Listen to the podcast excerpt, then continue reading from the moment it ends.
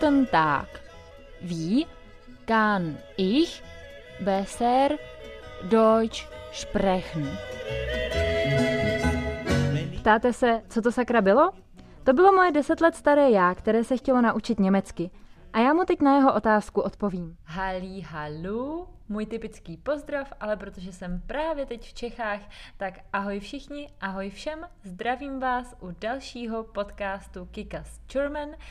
Zase máme liché pondělí a já mám pocit, že čas v Čechách utíká ještě rychleji než čas na cestách.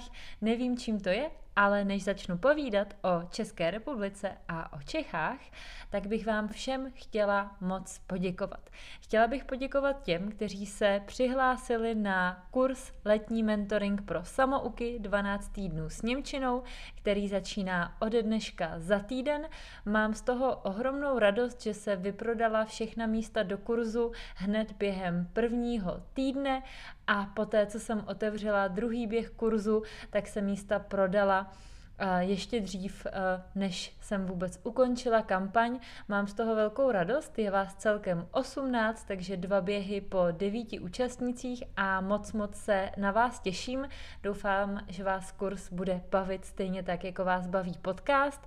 No a vy všichni, kteří jste se nestihli přihlásit, mám stále volné kapacity v individuálním mentoringu, takže pokud byste se během léta chtěli věnovat Němčině, tak určitě neváhejte, mrkněte na webovou stránku kikasgerman.cz Případně pokud byste se chtěli věnovat konverzacím a trochu si pošprechtit během léta, tak mám krásných a skvělých a chytrých pět kolegyň, němčinářek, které se vám rády budou věnovat i ve Skype lekcích. Najdete všechny informace u mě na webu.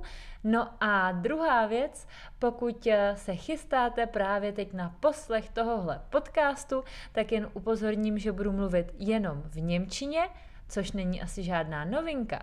Ale novinkou je, že podcast teďka můžou poslouchat i méně pokročilejší studenti, protože k němu nabízím kompletní přepis. To znamená, že můžete podcast poslouchat ušima a zároveň očima sledovat to, co říkám.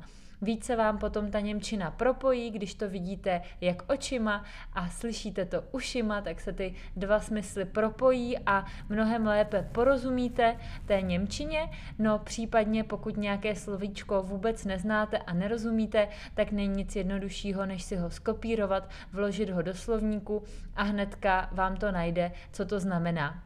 Když to člověk jenom slyší, tak dost často neví, jak se to píše a vlastně si pak to slovíčko nemůže vyhledat.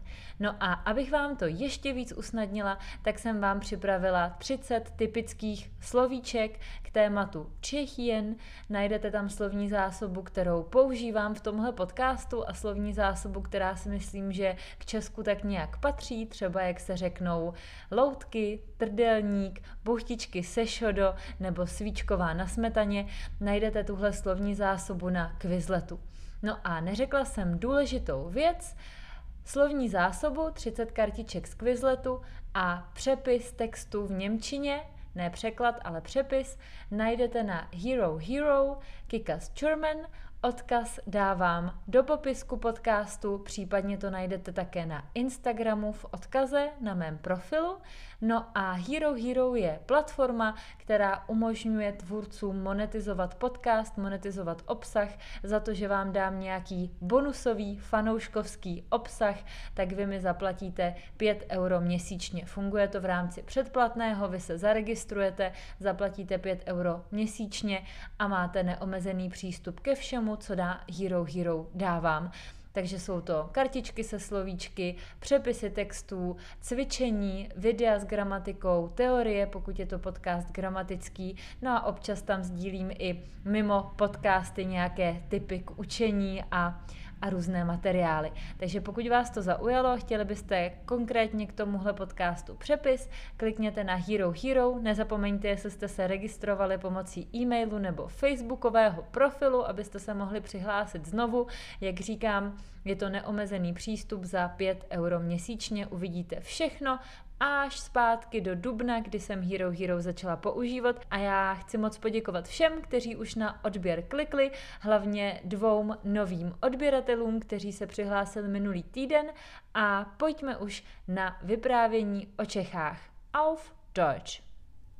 Also, ich bin in Tschechien geboren. Ich bin eine Tschechin. Ich habe in Tschechien fast ganzes Leben verbracht.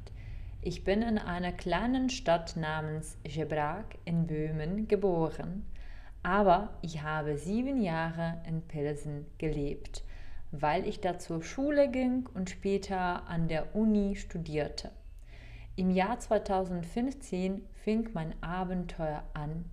Ich ging zum ersten Mal ins Ausland und seitdem wollte ich immer irgendwo unterwegs sein.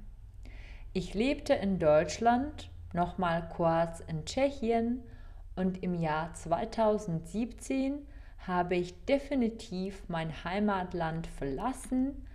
Ich bin nach Deutschland umgezogen und ein Jahr später bin ich nach Nepal geflogen. Über meine Reisen habe ich euch schon viel erzählt.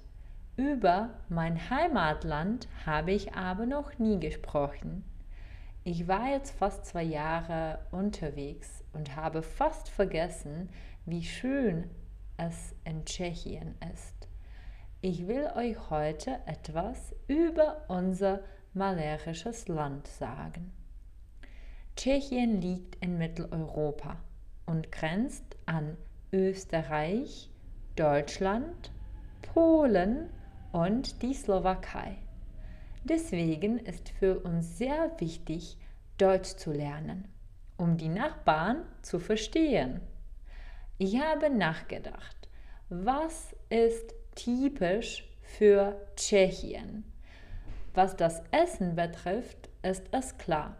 Knödel, Schweinfleisch, Schnitzel, Sauerkraut, Buchteln und Kuchen, Obstknödel, gebratener Käse, Kartoffelpuffer und alles mit Mehl oder Kartoffeln und Fleisch. Zum Trinken ist das Bier sehr typisch. In Tschechien trinkt man durchschnittlich zwei Biere am Tag. Wir haben aber auch viele andere typische Getränke, zum Beispiel Becherowka, ein Kräuterlikör, Slivovitz oder Kofola. Es ist tschechische Coca-Cola, eine schwarze Limonade. Was ist aber außer Getränke und Gerichte noch typisch? Meiner Meinung nach schauen die Tschechen sehr gerne Märchen an. Aus Tschechien kommt die populäre Zeichentrickserie Krteček, der Maulwurf oder Pat und Matt, tschechische Puppenserie. Wenn wir schon über Puppen sprechen, sollten wir nicht Spabel und Hovinek vergessen, die Marionetten aus Pilsen. In Pilsen wird auch das bekannteste Bier Tschechiens produziert. Die Brauerei heißt Pilsner Urquell. In Pilsen kann man nicht nur das Bier trinken, man kann sogar im Bier baden. Das Bierkurort ist sehr beliebt unter Menschen in Tschechien. Tschechien ist aber nicht nur für Bierkurorte bekannt. In Tschechien gibt es viele Kurorte. Karlsbad, Marienbad, Teplitz. Leute kommen, um sich da zu heilen und schöne Orte besuchen. Kurorte mit heißem Wasser sind mega populär. Sehr typisch sind auch die Rundoblaten, die man an der Kolonnade in einem Imbiss probieren kann. Eine Sache ist, was die Tschechen über sich selbst sagen. Eine andere Sache ist, wie uns die Ausländer sehen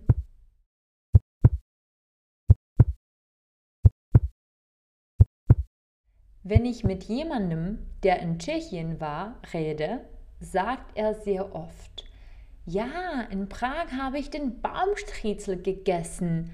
Auf Tschechisch Tedelnik. Stimmt? Das war aber lecker. Aber warum tragen die Tschechen Socken in Sandalen? Es macht doch keinen Sinn. Warum ist der Zug immer verspätet? Warum beklagen sich die Leute jederzeit über alles? Warum hat jeder Tscheche das Skoda-Auto und wieso, dass das Bier im Supermarkt billiger als das Wasser ist? Wie ist es möglich, dass jedes Dorf oder jede Stadt so schön und malerisch ist? Überall gibt es ein Schloss, eine historische Burg, eine Kirche, ein altes Rathaus und die historischen Bauten. Überall in Tschechien kann man etwas Schönes sehen, entweder die Städte oder die Natur. In Tschechien gibt es viel Raum, in dem es gar nichts gibt, was zum Beispiel in Asien unvorstellbar ist. Und noch eine Frage stellen Sie mir oft. Hm, Kika, ich habe im Wald viele Leute getroffen, die Pilze gesammelt haben. Kann man die Pilze aus dem Wald wirklich essen? Hm, ja, es ist der zweite Nationalsport Tschechiens. Außer Eishockey sammeln die Tschechen Pilze. Ich möchte hier ein paar Dinge erwähnen, nämlich was ich persönlich an der Tschechischen Republik mag und was ich im Ausland vermisse. Natürlich möchte ich euch auch sagen, was mir an der Tschechischen Republik nicht gefällt und was ich gerne ändern würde. Ich liebe die tschechische Natur. Man kann einfach in den Werden spazieren gehen und trifft oft niemanden. Ich mag unsere Kultur und die Tatsache, dass die Menschen gerne wandern und in der Natur sind. Sehr typisch ist in Tschechien Kanu fahren. Viele Tschechen fahren im Sommer Kanu, ich auch. Egal wie breit und wild der Fluss ist, es geht darum, mit Freunden zu sein. Wir mögen am Abend am Feuer sitzen, Würste braten und das Bier trinken, Gitarre spielen und singen und unter dem Zelt übernachten. Ich mag natürlich auch die tschechischen Desserts und Nachtische zum Beispiel Buchteln, Berliner mit Marmelade, Mohnkuchen und ja so alles, was meine Oma backt. Was mir auch gefällt, ist, dass es in Tschechien überall sehr sauber ist. Es ist ein modernes Land. Überall gibt es schöne Straßen. In jedem Dorf gibt es einen Bahnhof. Überall kann man mit dem Bus oder mit dem Zug fahren und überall kann man ein Bierchen vom Fass trinken. Natürlich verbringe ich gerne Zeit mit meinen Freunden. Ich mag die tschechische Sprache. Ich mag Literatur und tschechischen Humor, Musik und unsere Traditionen und Bräuche. Immerhin ist es mein zu Hause.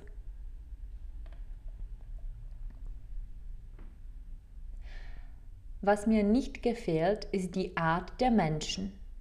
Tschechen beschweren sich sehr oft und über alles. Manchmal habe ich das Gefühl, dass Jammern der Nationalsport der Tschechischen Republik ist. Ich verstehe, dass jeder seine Probleme hat. Aber wir alle haben Probleme. Das führt sehr oft dazu, dass die Mitarbeiter des Dienstes unfreundlich und unhöflich sind. Ich weiß, dass alles miteinander zusammenhängt. Man hat Probleme, man verdient nicht genug Geld, aber manchmal tut es mir sehr leid, wenn mich jemand beleidigt oder unfreundlich zu mir ist, auch wenn ich nichts falsch mache. Das passiert, wenn ich in einem Restaurant etwas bestellen möchte, wenn ich eine Fahrkarte kaufen will oder wenn ich einfach jemanden um etwas bitte, weil ich einen Rat brauche. Ich mag auch nicht, dass die Menschen in Tschechien sehr viel Alkohol trinken und es ist normal für sie, jeden Tag Alkohol zu trinken. Ich finde es nicht richtig und aus meiner Perspektive ist es nicht normal, so viel Alkohol zu trinken, sogar über den Tag. Da ich Vegetarier bin, mag ich natürlich die typische tschechische Küche nicht, weil die typische tschechische Küche sehr fleischlastig ist. Deutsche kommen oft in die Tschechische Republik, um billige Zigaretten, Alkohol oder Fleisch zu kaufen. Aber jetzt sind wir in der Krise und es lohnt sich nicht mehr in die Tschechische Republik zu fahren und dort einzukaufen. Aber auch viele Deutsche lieben unser Land für ihren Urlaub. Und ich kenne viele Menschen, die jedes Jahr gerne in die Tschechische Republik kommen und die tschechische Kultur lieben, wie zum Beispiel Kanufahren, Zelten, Wandern, Bier trinken und Bratwürste essen, Würstchen auf dem Feuer braten und natürlich Radfahren und tschechische Campingplätze. Es gibt viele schöne Orte in der Tschechischen Republik und viele Tschechen sprechen sehr gut Deutsch, nicht wahr? und wie findest du Tschechien? Was meinst du? Was ist typisch für unser Land und was könnte für die Deutschen, Österreicher und Schweizer in Tschechien interessant sein? Was meinst du? Tada, das ist alles heute. tak to je pro dnešek všechno. Možná jste zaregistrovali, že jsem na začátku mluvila hodně pomalu a ke konci jsem trošku zrychlila a nevyslovovala úplně tolik zřetelně, ale tak, jak bych vyslovovala normálně v běžné konverzaci. Je to proto, že chci, abyste si vyzkoušeli, jaká je vaše úroveň Němčiny. Možná, že když mluvím opravdu pomalu, a vyslovuju zřetelně, tak rozumíte všechno. Jakmile ale začnu mluvit trochu rychleji a trošku drmolím, že místo nichts řeknu třeba nix, tak jako to dělají rodilí mluvčí, tak už se začínáte ztrácet a hodil by se vám přepis toho textu.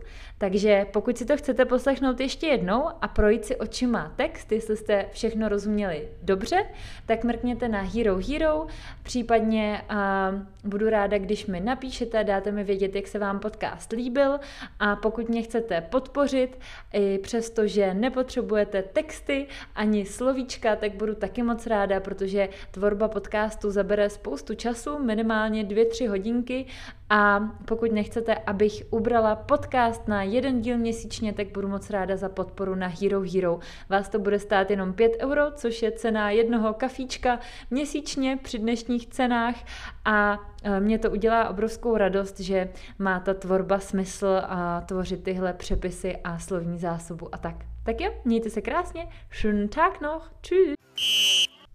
Freust du dich schon auf nächste Episode?